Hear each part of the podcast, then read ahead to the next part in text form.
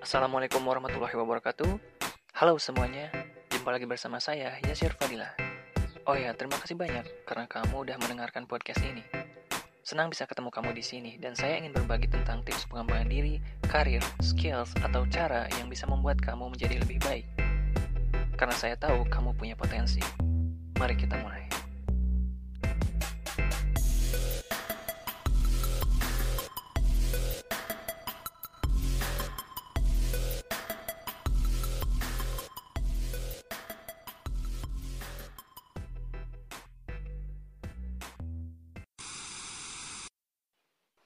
Saat ini kita melewati momen Piala Dunia atau FIFA World Cup 2022.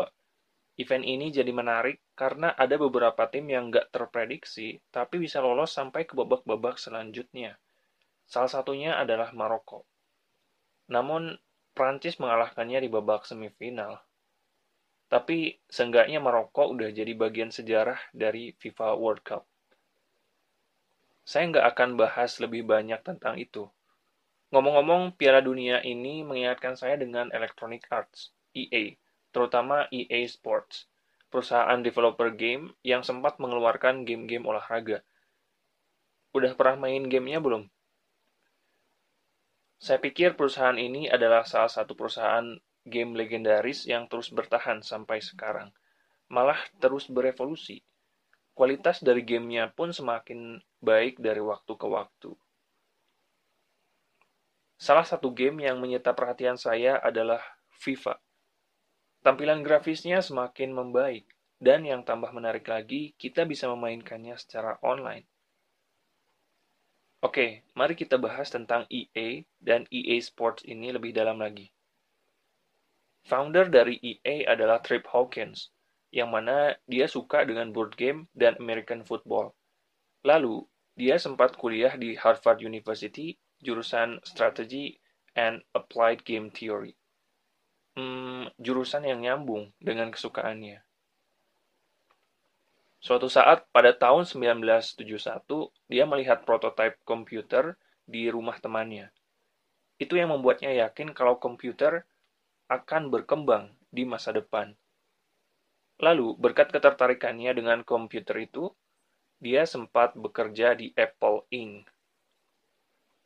Namun, dia resign dari Apple Inc. dan fokus mendirikan Electronic Arts pada tahun 1982 dengan 11 karyawan dan modal sekitar 5 juta dolar, ditambah lagi modal dari seorang investor.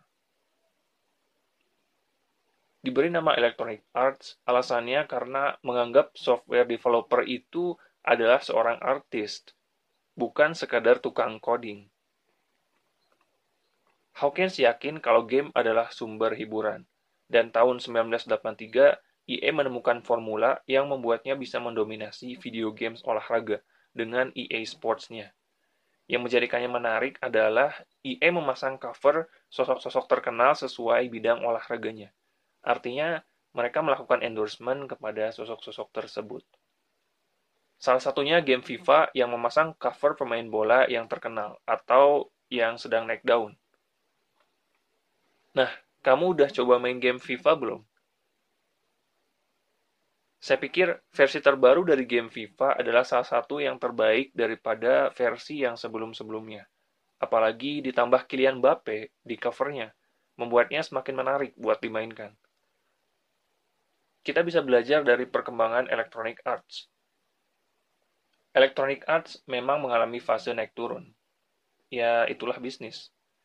Yang pasti Faktor penting yang bikin Electronic Arts jadi perusahaan game yang besar adalah karena passion yang kuat dari pendirinya, Trip Hawkins, dan keinginan untuk terus berkembang. Saya Yasir Fadila, sampai jumpa di episode selanjutnya.